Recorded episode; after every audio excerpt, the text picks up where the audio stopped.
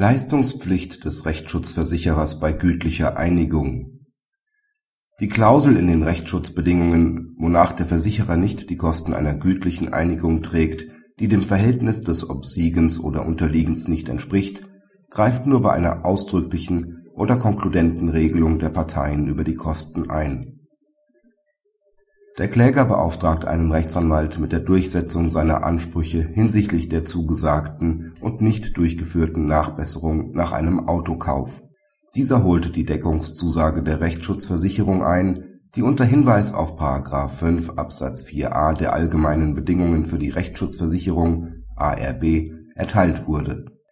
§ 5 Absatz 4a ARB hat folgenden Wortlaut die A trägt nicht die Kosten, die aufgrund einer gütlichen Einigung, insbesondere eines Vergleichs, nicht dem Verhältnis des Obsiegens zum Unterliegen entsprechen.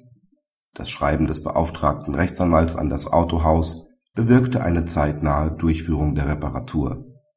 Die Übernahme der Rechtsanwaltskosten in Höhe von 748,93 Euro lehnte die beklagte Rechtsschutzversicherung ab die Klage des Versicherungsnehmers auf Freistellung hatte in der Berufung teilweise Erfolg.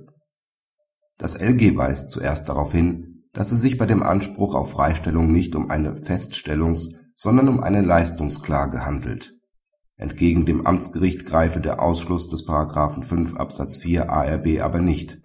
Auch wenn in der Klausel der Begriff gütliche Einigung dahin zu verstehen sei dass mit ihm jede abschließende Bereinigung einer Rechtsangelegenheit durch freiwilliges Absehen von der Durchsetzung gemeint sei und nicht notwendig einen Vergleichsabschluss voraussetze, handele es sich gleichwohl um eine Ausnahmevorschrift.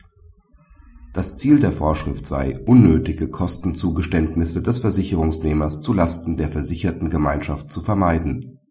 Daraus folge aber auch, dass die Klausel über den Hauptanwendungsfall des Vergleichs hinaus nur dann eingreife wenn eine ausdrückliche oder konkludente Regelung über die Kosten erfolge. Dies war hier nicht der Fall.